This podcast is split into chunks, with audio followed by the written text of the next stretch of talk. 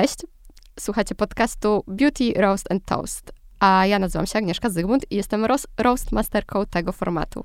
Moją gościnią dzisiaj jest Magdalena Kuszewska, dziennikarka, redaktorka, autorka książek specjalizująca się w tematyce intymności, relacji i seksualności.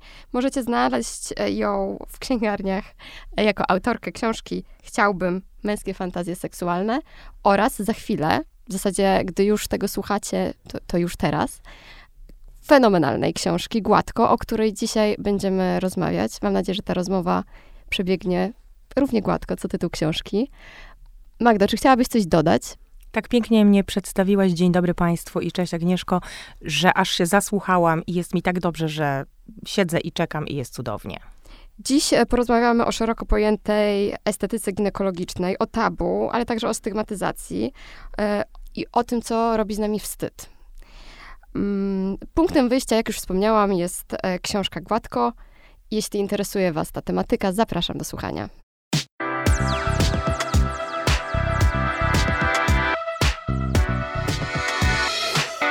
Magdo, e, powiem ci, że dostałam dzisiaj tą książkę, a rozmawiamy 26 maja w Dzień Matki.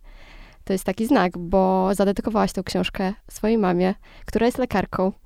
Od razu cię zapytam, co ona myśli o tym temacie? Wzruszyłam się, rzeczywiście, faktycznie, po, teraz dopiero po, dzięki tobie połączyłam kropki. 26 maja, a ja zadedykowałam książce, moj, książkę mojej mamie. Niesamowite. Dzisiaj mamy tyle znaków a, tutaj. I wydaje nas znak, mnie wydaje znak, więc kolejny znak. Więc same znaki. Co moja mama myśli? Moja mama, słuchajcie, jeszcze nie ma pojęcia, że ponieważ jeszcze nie dostała do rąk książki, to się wydarzy za parę dni. Moja mama nie ma pojęcia, że książka jest zade zadedykowana właśnie jej, więc to będzie super niespodzianka i chcę jej wręczyć y, egzemplarz i zobaczyć jej łzy wzruszenia, które niewątpliwie się pojawią. Moja mama to jednak jest pokolenie, jak to powiedzieć, starej, dobrej gwardii lekarskiej. Oczywiście jest osobą bardzo otwartą, cudowną, ale ma taki rodzaj zgrzytu. My niewiele rozmawiałyśmy o medycynie estetycznej, ale myślę, że ma lekką podejrzliwość do tejże. Mhm. Właśnie pytam o to y, pokolenie, które jest też w dużej mierze. Y, są to osoby, które są bohaterami y, tej książki. Mm, ale zatrzymam się e, na tytule. Gładko. Tak naprawdę nie oznacza tego, co może sugerować okładka. Jak się wczytamy w książkę, mm, na początku e, mówisz, o czym marzymy. E, niezależnie od rasy, od przynależności religijnej i od płci. Wszyscy marzymy o tym, żeby mieć gładką skórę. Dlaczego? Właśnie to niesamowite. To już badacze mm, potwierdzają w swoich badaniach. Młoda, gładka, jędrna skóra kojarzy się z młodością, witalnością, energią, a więc co za tym idzie, z długim, dobrym życiem, z nadzieją, z tym wszystkim, co jeszcze nas czeka, jeszcze w zielone gramy. Y, y, wydaje mi się, może to już jest nadinterpretacja, ale że gdzieś za tym wszystkim czai się lęk przed przemijaniem i taka przemożna chęć, być może większości z nas, jak nie wszystkich, żebyśmy żyli Forever. Mhm. Wiecznie. Teraz jechałam do was, do ciebie de, na nagranie i słuchałam sobie Forever Young.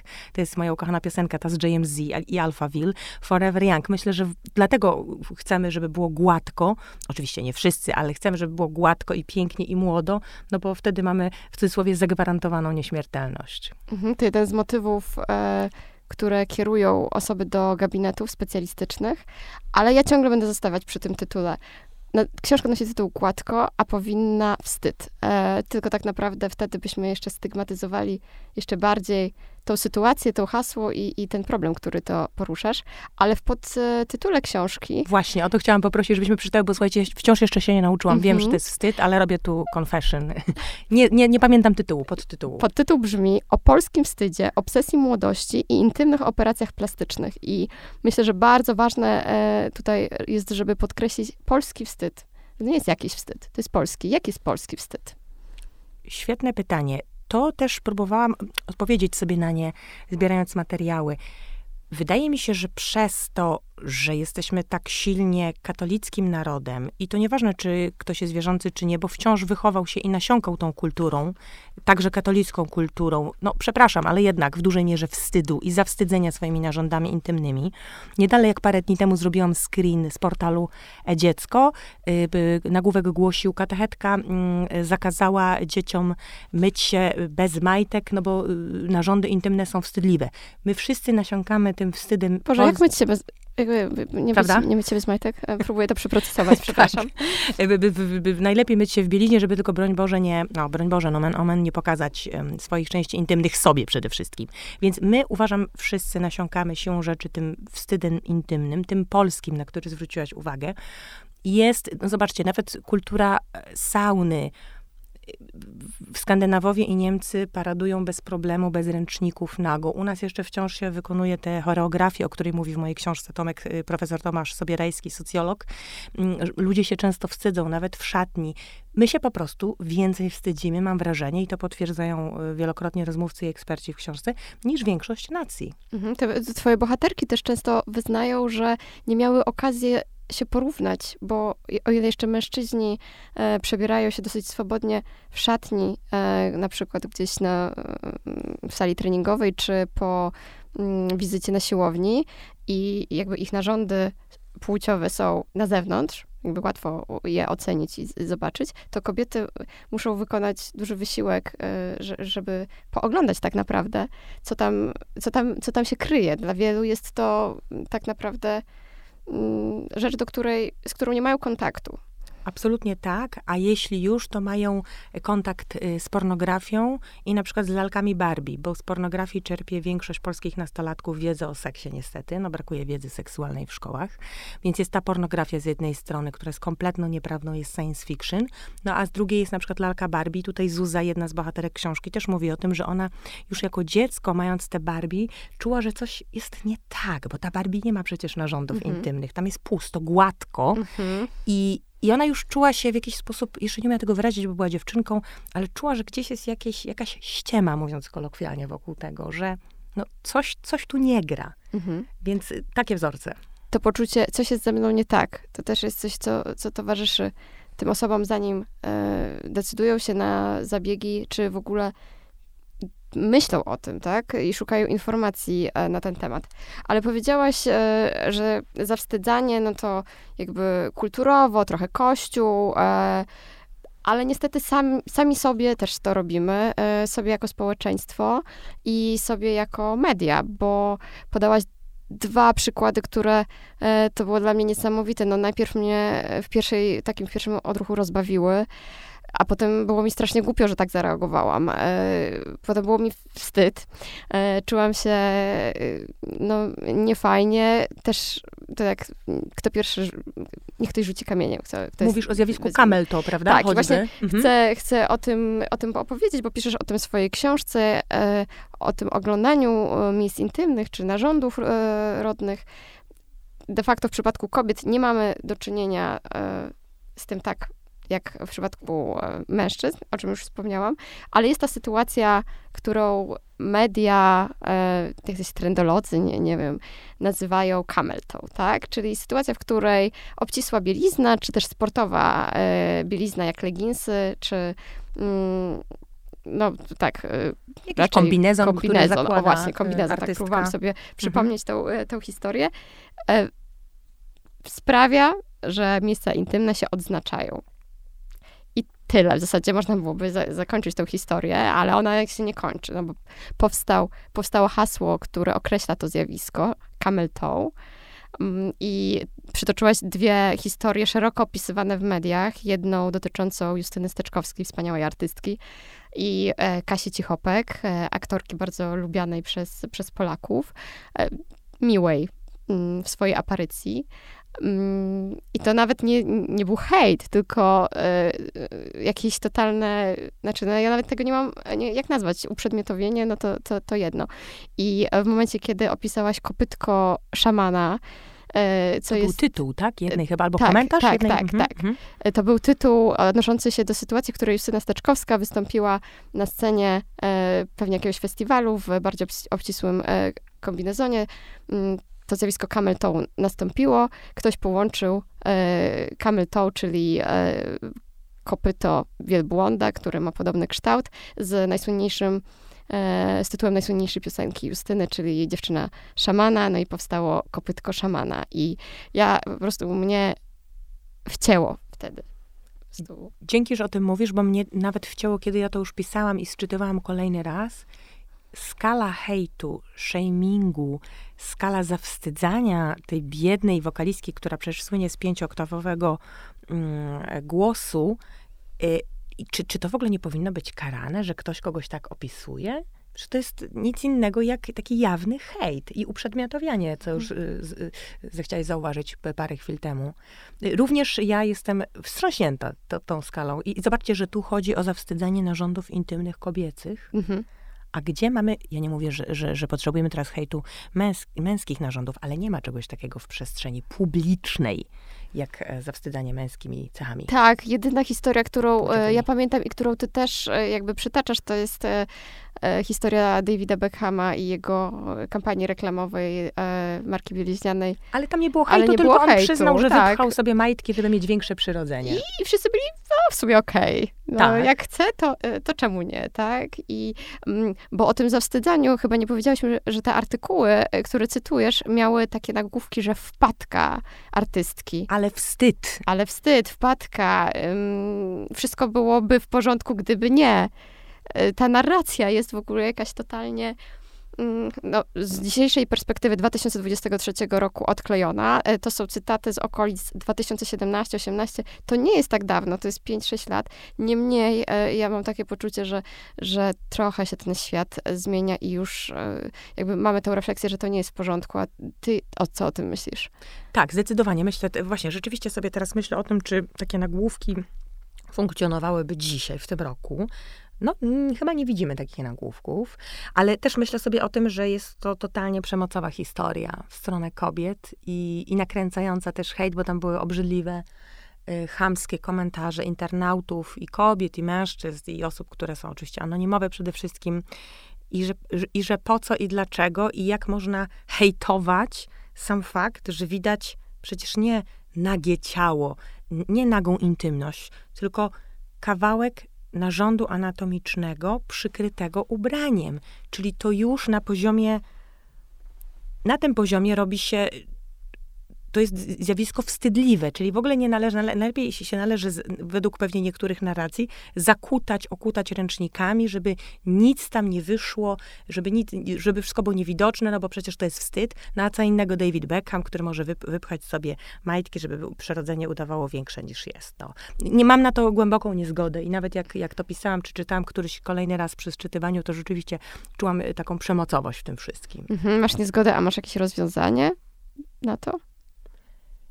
My, media, bo akurat obie jesteśmy przedstawicielkami mediów, chciałabym, żebyśmy my jako media i przedstawiciele mediów naprawdę pomyśleli może dwa czy trzy razy więcej, że dobrze, będziemy mieć news, który się klika, ale żeby, żebyśmy nie mieli sytuacji, w której dzieje się przemoc, bo tu się zadziała przemoc. Trzeba to powiedzieć prosto, prosto i konkretnie.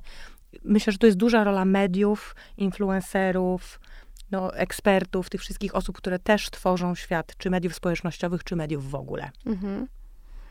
Na tym poziomie na pewno y, jest też ten drugi poziom, jakby y, naprawdę bardzo, tutaj taki mały off-top, bardzo was zachęcam do przeczytania tej książki, nawet jeśli mielibyście wyłączyć teraz ten podcast i po prostu pójść ją czytać.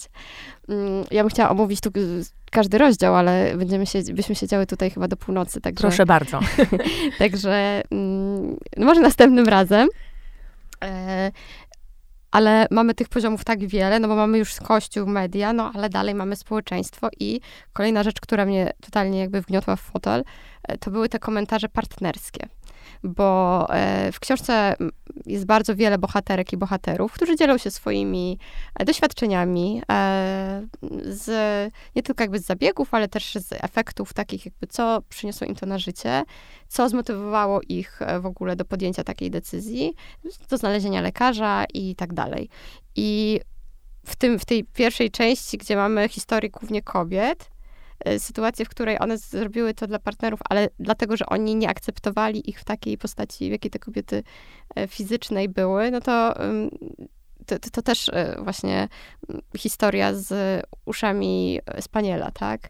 No to właśnie, Magda się tutaj uśmiechnęła, zaśmiała. A to i, śmiech przez łzy. I to, I to właśnie była też moja reakcja na te wszystkie historie, że, że pierwsza taka właśnie, hmm, a potem, bo to jest to groteskowe, ale potem postaw się w sytuacji tej kobiety. Pomyśl o sobie, że, że ktoś cię tak traktuje. Bo po, przypomnijmy, że chodzi o to, że jeden z mężczyzn napisał na forum, że jego żona ma piersi jak uszy spaniela i go nie podnieca i on ma tego dosyć. Tak, bo to wywiązało się to z wiekiem, no jakby na, naturalne prawo grawitacji e, to raz, dwa, że po ciąży też jakby piersi się zmieniają. To są naturalne, fizjologiczne procesy i ja rozumiem, że co chyba też podkreślasz, że można o tym rozmawiać w związku otwarcie i to jest okej, okay, ale nie, e, gdy druga osoba po prostu E, ty chyba to dokładnie pisze, że jakby poczuła się ona, gdyby odkryła to, że jej mężczyzna pisze na forum e, o niej takie rzeczy, tak? Tak, i tam jeszcze ludzie radzili. No to nie wiem, zapłać jej za operację plastyczną, zmień żonę, poszukaj sobie kochanki.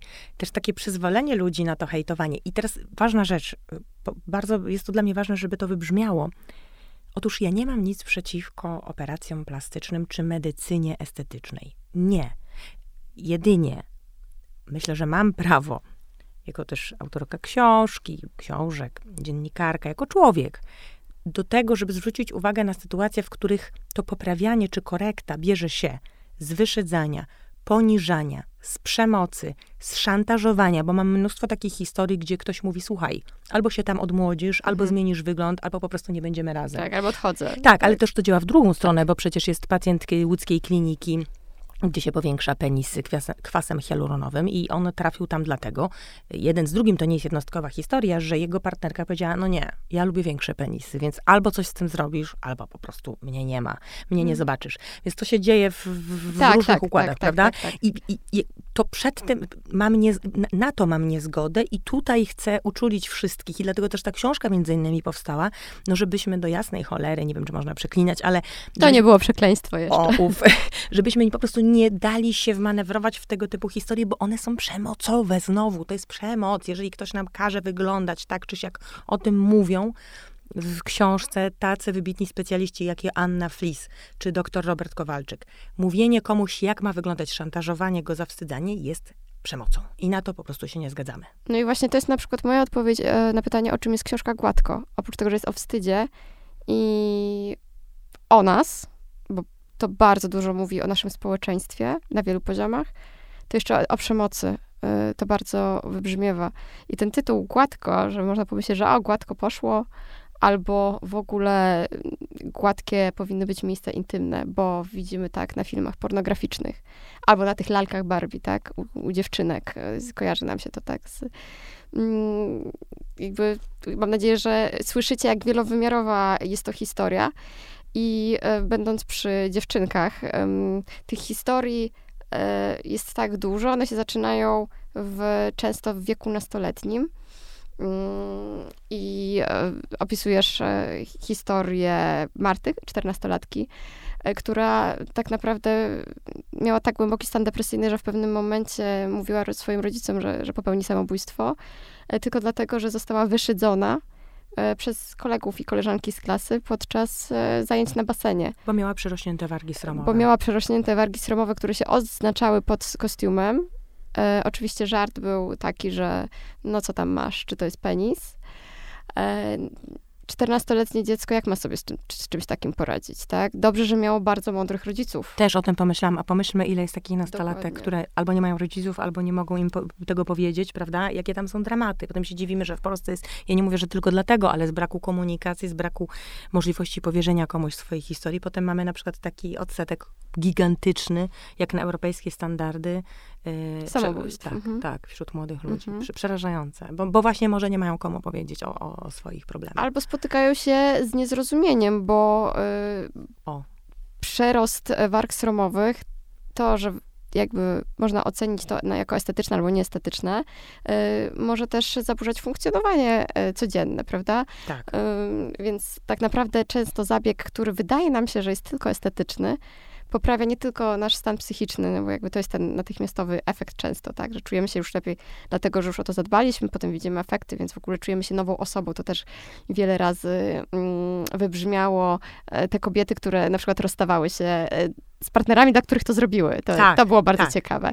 Albo miały dosyć e, traumatycznego związku i szły sobie właśnie coś zrobić. Tak, coś zrobić. Albo y, też wspomniałaś y, historia mężczyzny, który postanowił y, powiększyć penisa dla partnerki, a potem miał kolejną, dla której to już nie było okej. Na szczęście to był zabieg, na szczęście dla niego odwracalny, więc... To jest w ogóle y, jakaś kosmiczna historia. Ona brzmi niewiarygodnie, ale rzeczywiście w ciągu paru miesięcy ten mężczyzna zmienił partnerkę i jedna chciała, w cudzysłowie chciała większego penisa, druga mniejszego. No i pytanie, po co to robi i dla kogo? No czy Mm. dla siebie, czy dla innych? Y, Ale te- wróćmy do, do tego poprawiania komfortu życia, bo y, myślę, że w Polsce nadal, jeśli mówi się o ginekologii estetycznej, czy w ogóle jakichś zabiegach związanymi z rewitalizacją miejsc intymnych, to jest takie przyzwolenie, że okej, możesz to zrobić, jeśli masz jakąś chorobę, w sensie jeśli y, okej, nietrzymanie moczu, no dobra, to idź na ten laser, tak? Tak, tak. E, ale gdy kobieta mówi, nie, chcę wyglądać tam tak młodo, jak wyglądam na twarzy, bo już w siebie zainwestowałam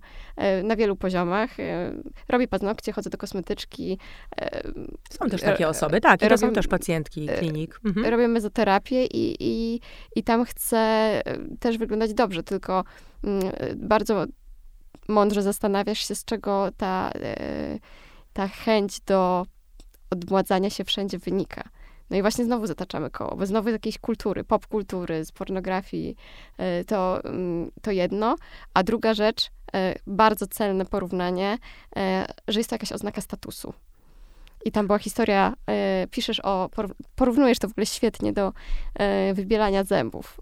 Że wybielanie zębów nie wpływa na ich funkcję, ale wpływa na postrzeganie naszej osoby jako, czy nawet bardziej zamożnej, ale bardziej profesjonalnej, e, godnej zaufania. Śnieżno-biały uśmiech, nawet w reklamach, w których występują e, emeryci, czy jakby bardzo dojrzałe osoby, to, to, to widać ten, ten, tę śnieżną biel i, i, i to e, może być przyczynek do tego, żeby mm, Wybielić wybielić sobie odbyt Dokładnie. również. czy pachy, pachwiny, miejsca intymne. Jakby e, nie było pytania w tym, e, w tym moim monologu, ale Nie no, ale to, to super, bo o tym świetnie, że to w ogóle też zauważyłaś i o tym opowiadasz. e, chcę iść w stronę, stronę motywacji mm, tych twoich bohaterów, że czas jakby dać zgodę wszystkim na wszystko i nie oceniać tego. Tak. To jest absolutnie, ja w ogóle, jeśli też pytasz o motywację ludzi, z którymi rozmawiałam, ja nie sądziłam, że one są tak szerokie i pojemne. Bo generalnie większość ludzi komunikuje, deklaruje. Robię to, mężczyźni często mówią, jeśli chodzi o powiększanie penisa. Dosłownie jest takie hasło, for fun. A, chcę zobaczyć, jak to jest. Nikt się nie przyzna, że robi to, bo ma kompleksy, bo się czuje gorzej, bo został wyszydzony przez partnera czy partnerkę w łóżku 15 lat temu i dalej w nim to rezonuje. Generalnie wszyscy mówią, a, zobaczymy, jak to jest, no skoro jest, a zobaczymy, a spróbuję. Ale okazuje się, po, po, tym jak zbierałam te wywiady i też rozmawiam ze specjalistami i usłyszałam, co się dzieje też w gabinetach terapeutycznych, to nagle się okazało, że właśnie, ile tam jest jeszcze rzeczy pod spodem. I ten wstyd, i to wyszydzanie, i to poniżanie, i jakiś kompleks, i nieraz jakieś zawstydzenie, które się dokonało, nie wiem, w szatni, na basenie 25 lat temu. Wiele rzeczy jest nieuświadomionych, albo ktoś po prostu nasiągał pornografią i uważa, że inaczej to jest brzydko, wstrętnie, nie, że musi pe- spełnić określone standardy. To było dla mnie też fascynujące odkryć te, te wszystkie powody i ich ilość, Mhm. jak, jak dużo ich jest. A co było dla ciebie najbardziej zaskakujące? Na pewno właśnie te powody, jak bardzo dużo ich jest, i jednak y, pod spodem jak mocno kryje się często, bo nie, nie mówię o wszystkich, ale jak często kryje się wstyd. I wiesz co, chyba też ten wątek, na który zwróciłaś uwagę wcześniej, na początku naszej rozmowy, czyli te wszystkie przemocowe historie w związkach, czyli mówienie, być może jestem szczęściarą, bo nie miałam takiego doświadczenia, mówienie, jak ja mam wyglądać w sferze intymnej. Co innego jest sugerowanie, zastanawianie się wspólnie, co robimy. No przecież też chodzi o to, żeby gadać, ale nakaz, że masz być taka, taki, konkretnie, czy gładki, czy śmaki, czy se coś powiększyć, czy zmniejszyć, czy obciąć, no ja tego nie znałam z prywatnego podwórka i to było dla mnie szokujące. Mhm. A co było dla ciebie najtrudniejsze? Ile pisałeś w ogóle tę książkę? Ja szybko pisałam ją, bo szybko piszę, czyli pewnie, pewnie 7 miesięcy zbieranie wywiadów i pisanie książek. Ja wiem, że to jest bardzo szybko. Tutaj ktoś mi powiedział, Boże, pół roku, no to przecież nie tak szybko, ale to jest bardzo szybko. Książka jest spora, 350 stron. E, czy poszło gładko? Tak, właśnie napisałam w podziękowaniach z tyłu dla mojej świetnej redaktorki Magdy Kowalewskiej, Agnieszki mm, Madei, promotorki, że słuchajcie, w sumie poszło nam gładko. One nie miały ze mną łatwo i gładko, ale bo ja jestem y, szczególarą i tutaj bardzo mi zależało, jeśli coś firmuje swoim nazwiskiem, to potrafiłam do nich pisać po nocach, żeby coś tam jeszcze sprawdzić i upewnić się na sam koniec, już przed drukiem, ale ogólnie poszło gładko, bo ja czułam, że poruszam ważny temat. Mm. To mnie pochłaniało. Mhm. Potrafiłam, to widać też w tej książce, że ja tu jestem w koło brzegu, tu jestem w jak, tam rzeczywiście jeździłam. Nie robiłam nawet rozmów przez telefon, tylko mówiłam do lekarzy, słuchajcie, ja chcę się z wami spotkać, chcę wejść do gabinetu, poproszę o taką szansę, chcę wejść do gabinetu, gdzie robicie te, te zabiegi. I to się rzeczywiście udało. Spotykałam się z osobami, parę osób y, anonimowo, które dawały mi relacje ze swoich zabiegów, mm, wolało rozmawiać przez telefon, y, wstydziło się, też to mhm. rozumiem, szanowałam, ale generalnie no, zjechałam Polskę, żeby, żeby, żeby napisać tę książkę. Czułam, że dotykam ważnego tematu. I trochę zjechałaś Polskę, a oprócz tego, że zjeździłaś Polskę, jeszcze zjechałaś Polskę. A ludzie chętnie się z tobą dzielili tymi e, historiami? Takie intymnymi? Takie pytanie już dostałam przy poprzedniej książce, czyli Chciałbym męskie fantazje seksualne, bo tam wszyscy pytali, jak ty od tych mężczyzn wydobyłaś te fantazje? Chętnie, dlatego że mam ponad 20-letni warsztat dziennikarski. Zrobiłam 2000 wywiadów w życiu i szczerze, i może ktoś uznać, że się przechwalam, ale wiem, jak otworzyć rozmówcę. Oczywiście, zanotowałam też w cudzysłowie klęski, bo w Dzień Dobry TVN był mężczyzna, który powiększył sobie penisa kwasem hialuronowym, dał, dał, dał tam twarz i nazwisko, zależało mi na takiej narracji. Zadzwoniłam do niego, znalazłam go przez Instagram, ale odmówił ostatecznie, więc mhm. nie wszyscy chcieli, bo ja, zależało mi, żeby akurat mieć go pod imieniem i nazwiskiem, ale mhm. oczywiście okazało się, że, że już jednak nie rozumiem. Mimo, że raz już wystąpił. Tak, ale widać, prawda? To może mhm. oznaczać, że może miał z tym później gdzieś jakieś problemy, mhm. może miał hejt. Nie, nie, nie mam pojęcia, do, mhm. do mnie, mnie mam, że mogło tak być. No z jakiegoś powodu już, już później nie chciał w to iść, więc pe, część relacji jest anonimowych i jeśli sobie ustaliliśmy, że na przykład zmieniamy komuś imię, nie było to trudne. Mhm. Dzięki temu, że jest taki szeroki przekrój tych osób, obalasz bardzo duży mit. E, jeden związany z ginekologią estetyczną, e, chyba największy, że to jest po pierwsze fanaberia, to, to, już ustaliłyśmy, a po drugie, że to dotyczy bardzo bogatych osób, e, takie, które i tak inwestują w siebie już bardzo dużo pieniędzy, czy e, już nie wiedzą, co mają sobie zrobić, bo mówiąc kolokwialnie, zrobiły już sobie wszystko, no więc już zostało tylko tam na dole. To w ogóle też e, jest jakaś historia eufemistycznych określeń, które e, my Polacy stosujemy e, tak, tam, na, na, dole. Tam na dole, tak. Okay. Tak, tak. mm, a bardzo wiele było historii, w których kobiety i pojawiła się prawdziwa historia. My tak często mówimy, że pani e, pracująca na kasie, tak? Tak, u doktor Barbary Blicharczyk, wybitnej ginekolożki estetycznej, była pacjentka, która pracuje w dyskoncie. No nie będziemy wymieniać tak. nazwy, bo przecież to nie chodzi nie o to. I ona wzięła kredyt, tak. aby zrobić sobie waginoplastykę i chyba tam jeszcze parę innych rzeczy. To się powtarzało, ten kredyt, albo to jestem spłukana, ale pożyczyli mi rodzice, albo pożyczyła mi przyjaciółka. Mm, zrobiłam wszystko, e, żeby się tym zająć, tak? Więc ten mit, że to jest jakaś historia, poruszasz historię, która jest w bańce, w bańce warszawskiej, czy w ogóle w jakiejś bańce świata z telewizji, jest totalnie no, nieprawdą. I myślę, że tylko jakbyśmy o tym więcej mówili, więc właśnie super, że jest ta książka, to by może ośmieliło te czternastolatki, czy e, kobiety, które mają problem z wchodzeniem w relacje, e, bo nie czują się ok z różnych powodów e, ze swoją fizjonomią, żeby chociaż porozmawiały z, o tym z ekspertem. Nie muszą od razu się, się decydować na, na zabiegi, tylko często taka rozmowa już, już, już dużo, dużo mówi. A z jakimi innymi mitami ty jeszcze się mm, spotkałaś? Hmm. Teraz sobie o tym głośno myślę. Jakie, tych mitów było rzeczywiście sporo. Albo takie mity mhm. dla ciebie, bo myślę, że miałaś dużo założeń, e, ale byłaś w tych gabinetach, widziałaś, jak to wygląda. Co cię tak jakby zaskoczyło i myślałaś, że jest inaczej, a okazało się, że jest zupełnie inaczej? Na pewno zdziwiłam się, że rzeczywiście nie tylko klasa średnia, nie tylko bardzo bogate osoby są e, pacjentami, klientami klinik. E, też odkryłam, że to jest ogromnie demokratyczna historia, bo e, lekarz Mateusz Kamiński, też świetny urolog z Łodzi, opowiadał mi o tym, że najmłodszy jego pacjent, jeśli chodzi o powiększanie penisa, miał 18 lat, ledwo co skończył, pełno, osiągnął pełnoletność piłkarz i przybiegł od razu na zabieg, a najstarszy, nie wiem, 70-paroletni triatlonista. Więc zobaczcie, jaka to, jaki to jest i wiekowo, a jeśli chodzi o zawody, i dyrektor banku, i prezes, i grafik, i, i aktor porno, który przyjechał z Anglii, bo tam jest dwa razy czy trzy razy mm, drożej, więc wciąż opłacało mu się nawet kupić bilet i przylecieć. Więc rzeczywiście jest naprawdę sporo, mm, to jest bardzo demokratyczna historia tak naprawdę. I wiekowo, i mhm. jeśli chodzi o status, statut szeroko pojęte zawody. Tak, no. właśnie wiekowo, bo y, też y, bardzo, bardzo dojrzałe pacjentki decydują się na różne za, zabiegi rewitalizacji miejsc intymnych. Tak, przyszła jedna 80-latka, która powiedziała, o, jestem wdową i ja teraz może kogoś poznam w sanatorium. I... No, a ktoś by powiedział, nawet znam e, takiego kogoś, pozdrawiam go, na pewno wie, o kim mówię, powiedziałby, a po co to tej, i to będzie cytat, starej babie e, na starość właśnie, w tych, w tych latach. A po co jej to i na co? A to w ogóle jest jakaś, jakiś taki argument, mam wrażenie, no w ogóle, a po co, skoro i tak tego nie widać, tak?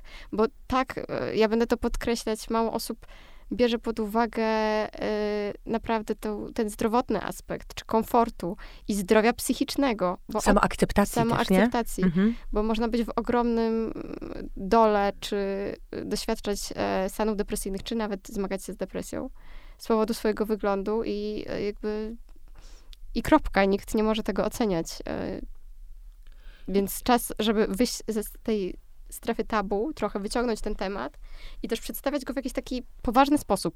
Ja mam takie poczucie, że, że tego brakuje, że albo się podchodzi do tego yy, jako temat kurioz, kuriozum albo ciekawostki. Wymyślają, że, prawda? Tak, co tam tak, znowu tak, wymyślili? Co tam znowu wymyślają. Mm-hmm. Albo w ogóle taki prześmiewczy, że obśmiejmy tak. to. Mm, no wiadomo, że obśmiewanie to jest jakiś sposób na radzenie sobie z, ze stresem, czy ogólnie z własnymi e, problemami, ale ja to tak e, czuję. Jeszcze wracając na chwilę do tego wątku, y, o którym powiedziałaś przed chwilą, właśnie o, o e, samoakceptacji i do zdziwień moich, to okazało się, że i to jest, to jest chyba też niesamowite, że to chyba doktor Piotr Świniarski mi powiedział, znakomity urolog, że który też robi poważne operacje, że 90% jego pacjentów obiektywnie nie ma problemu z tak zwaną wielkością penisa, że ma go w normie bądź nawet powyżej normy, ale to wszystko są czynniki emocjonalne i to wszystko jest głowa. Mhm. I on często jest bardzo mądrym lekarzem, bo nie wszyscy tacy są, ale w tym sensie, że on nie idzie, że a, przyjdzie pacjent, to niech idzie pod nóż, cyk, cyk, cyk, następne i liczymy pieniądze, tylko on część swoich pacjentów wysyła na terapię żeby przepracowali pewien problem, bo uważa, że nie chodzi o to, że wstrzyknie hialurą komuś, i, bo wtedy to nie rozwiąże jego problemu. Nie zawsze. Bo czasami to chodzi naprawdę o samoakceptację i o jakieś 35 tysięcy innych rzeczy niż, niż, niż większy rozmiar po prostu. I tak, tak samo jest w przypadku kobiet. Jeden, jeden z twoich bohaterów mówi, i nie stałam się po tym lepszym kochankiem. Nadal byłem tą samą osobą. Przy, pobrzmiewa w tym jakieś rozczarowanie trochę może. Tak, ale inni z kolei e, mówią, że, że tak, bo się czuli pewniej z tym ale większym inni, penisem. Więc tak, to ale, bardzo jednostkowe Ale jest, dla tak. innych to było mhm. totalnie zmieniające życie. Myślę, że tak samo jest w przypadku kobiet, że dla niektórych to po prostu też jednym może być wszystko jedno, drugim do, do, innej kobiety może od tego zależeć e, e, jej życie. Otworzyłam tutaj tak e, książkę, która zawsze robi didaskalia, bo mamy tylko fonię, nie mamy wizji, e, bo chciałam ci opowiedzieć o moim e, e, doświadczeniu czytania mm, książki, ponieważ miałam przyjemność dostać ją przedpremierowo w tramwaju.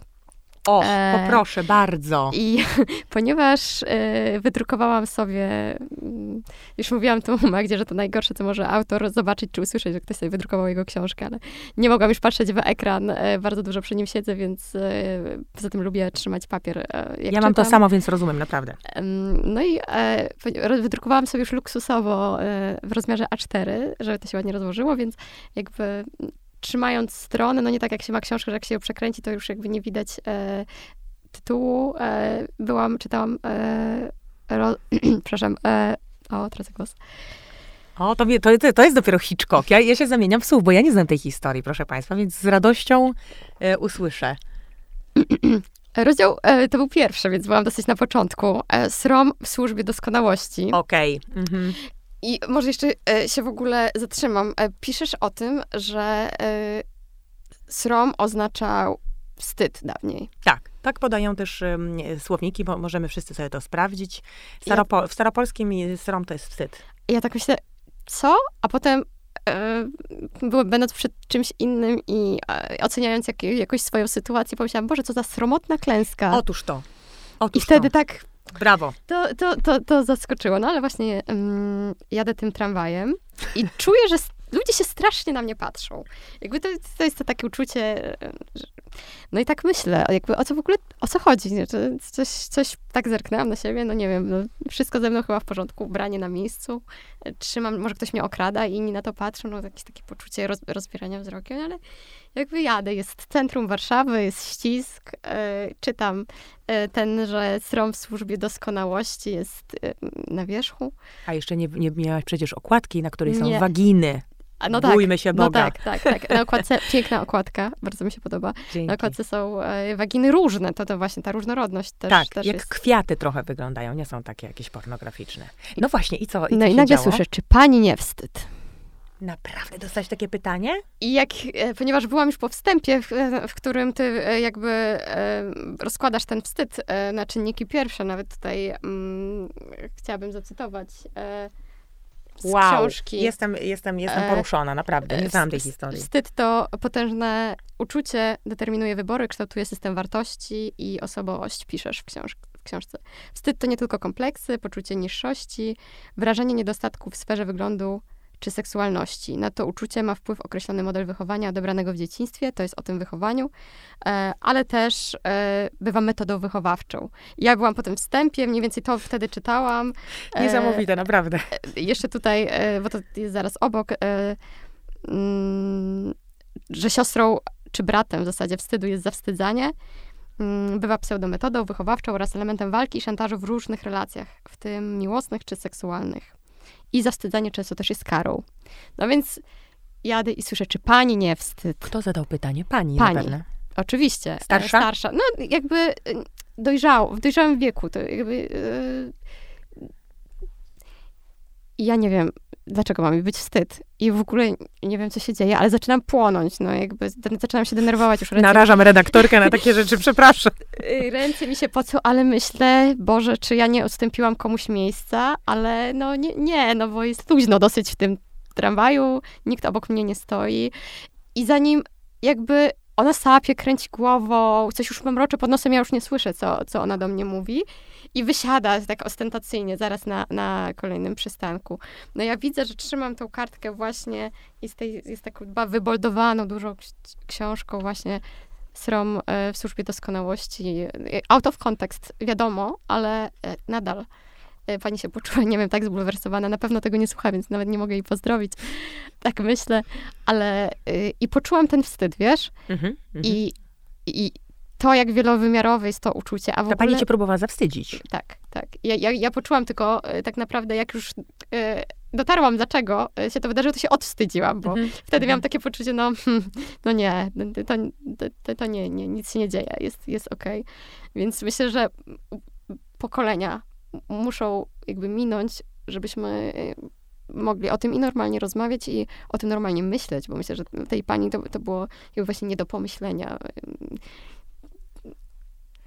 Mam 100 scenariuszy, co sobie pomyślała, tak? Przy poprzedniej książce Męskie fantazje seksualne opowiadał mi e, czytelnik, który jechał metrem warszawskim, że czuł, e, no, tytuł był potężny na całą okładkę, facet, który czyta o męskich fantazjach seksualnych, w cudzysłowie pewnie jakiś zbok i zwyrol, czuł e, na sobie ciężkie spojrzenia ludzi, było bardzo tłoczno, czuł, więc e, jest nas więcej zawstydzanych. I przepraszam wszystkich czytelników, których spotyka to, ale jaram się. jaram się jako autor, autorka tym. Mm, Czy w tym wszystkim widać jakieś, jakąś nadzieję, jakieś światełko? Mm, Co było jakieś takie dla ciebie pocieszające? Oprócz tych historii oczywiście, w których te bohaterki wychodziły takie podbudowane, wzmocnione. Myślę, że tak. To trochę jest chyba dwu, dwutorowy proces, w ogóle ta seksualność w Polsce, odwstydzanie, słowo, którego użyłaś, z jednej strony mamy silny konserwatyzm. Ja nie mam nic przeciwko konserwatyzmowi i tradycji wszyscy, ale jeżeli tam się mówi, że nie wolno oglądać swoich narządów płciowych, należy myć się w majtkach, no to nie, no to, to taki konserwatyzm to ja nie. Mm, I jeżeli Biblia mówi, że ciało kobiety należy do mężczyzny i mężczyzna ma decydować, jakie ono ma być, przecież to się, to, to jest pokłosie tego, a pokłosiem jest to zawstydzanie i mówienie, że masz być taka czy śmaka. Więc tak, nie, ale to jest bardzo silny trend. A z drugiej strony mamy rzeczywiście coraz więcej takich bardzo otwartych ludzi, właśnie czytelników, odbiorców, takich e, twoich słuchaczy podcastu, czytelników mojej książki, e, tych różnych treści takich odważnych. Dużo jest e, fajnej seksuologii na Instagramie, jest dużo mądrych terapeutów, którzy rzeczywiście do tych mediów też mainstreamowych docierają. I to jest super. To jest taki, moim zdaniem, znak zmian, ale oczywiście jeszcze, jeszcze, jeszcze mało tego, nie? Mhm. Jeszcze, jeszcze się czepiają e, różni ludzie te, tej tęczy biednej, tej różnorodności. E, no, jeszcze jest wielka droga do pokonania, ale na szczęście ja, ja widzę światełko w tunelu mimo wszystko. Dobrze, że o tym mówisz, jako osoba, która zgłębiła ten temat. No mam nadzieję, wierzę w to, kurczę, no. Bo inaczej będzie ciemnogród i spłoniemy w, we wstydzie paradoksalnie. No dobrze, nie, nie, nie chcemy e, płonąć e, we wstydzie. Mm, na koniec chciałabym Cię zapytać e, tak naprawdę o.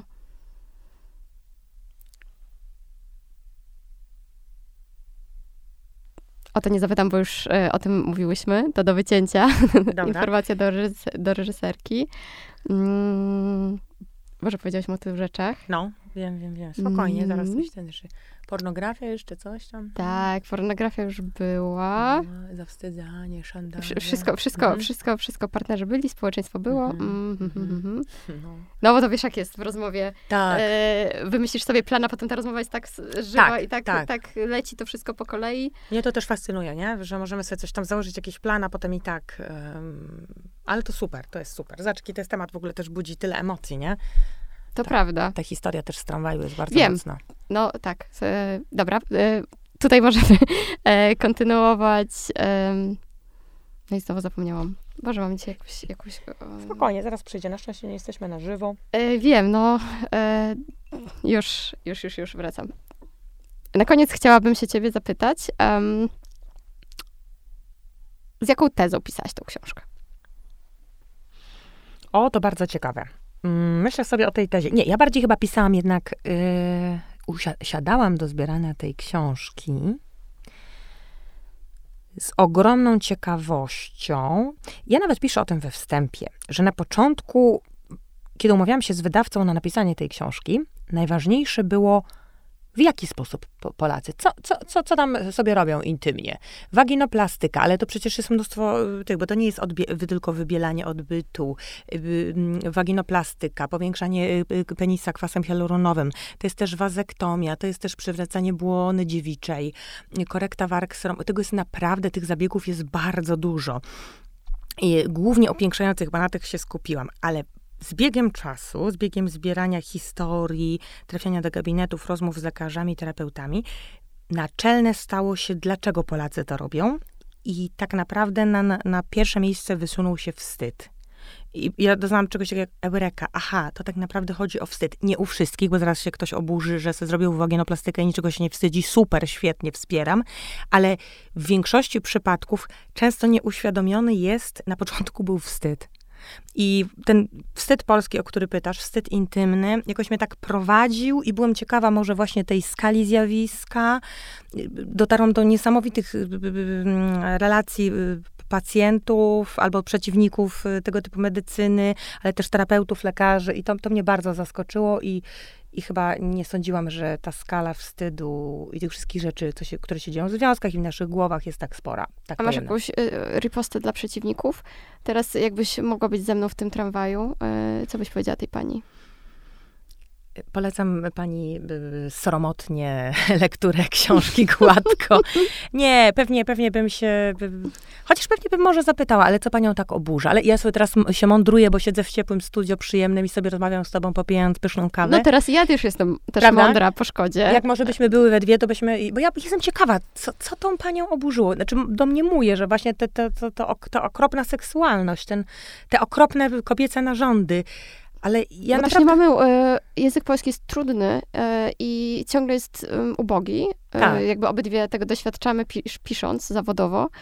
Mm, zazdrościmy pewnie na przykład Brytyjczykom, którzy, którym łatwiej jest pisać, bo mają dużo ładnych określeń. Ale właśnie my mamy tak, albo mówimy tam na dole, albo w ogóle infantylizujemy nasze narządy, mówiąc Siusiak. motylki, e, muszelki. Dorośli faceci mówią siusiak nieraz. Na przykład. E, To mi mówił urolog y, też znakomity z warszawskiej kliniki, nie? Że przychodzą do lekarza i tak mówią, tak? Albo No, mówią, to okej. akurat nie w tej książce, tylko w e-booku Sekrety penisów, który napisałam z Piotrkiem Czajkowskim, y, mówił nam urolog o tym, że mówią albo wacek, albo hu, albo ku, ta? Albo właśnie infantylizują y, kompletnie, mówią siusiak, albo ten, albo dają jakieś imiona, no cholera, no jest... Ale u lekarza, przepraszam. Tak, Właśnie, to jest to było niezwykłe. nerwowy śmiech, ale y, no, no właśnie, no i gdzie, gdzie, my, gdzie my jesteśmy w tej historii cały czas? No i właśnie mamy ten taki ubogi język i, i, i nadal taki zawstydzający, bo mam takie poczucie, że nieładne są te wszystkie nazwy, no jakby nieprzyjemne. Nawet srom, jak się mówi, to jakby to nie jest przyjemny wyraz wymawianiu, tak? Tak, i za- zauważcie też, że takie słowa jak ku Mhm. czy hu, to są generalnie słowa uważane za obraźliwe. Mhm. A tak nie powinno być, prawda? No nie powinniśmy, e, jakby zrobiliśmy sobie wulgaryzmy z narządów płciowych. No nie Tak. jest chyba z, z nami jest- wszystko jest okej. Przy, I to jest przykre, prawda? To jest Dlaczego? bardzo Mhm. przykre. Mhm, mhm. Czy pi Mhm. w przypadku Właśnie, kobiet? To, to jest niesamowite. Tak trudno nam jest powiedzieć e, na poważnie, na serio, czy będąc w gabinecie lekarskim, czy w ogóle, nie wiem, w rozmowie z partnerem e, o tym, ale gdy przychodzi nam puścić wiązankę w sklepie, czy gdziekolwiek indziej, bo się zdenerwujemy, to jakoś przychodzi nam naturalnie te wszystkie słowa e, do głowy, jakby nacechowane negatywnie. No ale właśnie, żeby znaleźć coś... Ja chyba też mam tak, chciałam cię na koniec zapytać, co chciałabyś przekazać swoim czytelniczkom, czytelnikom, ale też tym osobom, które nie trafią na gładko, a może posłuchają tej audycji.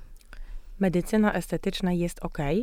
Także ginekologia i urologia estetyczna są ok, pod warunkiem, że wynikają z waszych, naszych własnych potrzeb, przekonań, gustów. Jeśli są efektem szantażu czy zawstydzania, nie są ok i nie dajmy się w to wmanewrować, bo to się zemści podwójnie. Związki się rozpadną, będziemy mieli pretensje, żale i frustracje. Nie idźmy w tą stronę.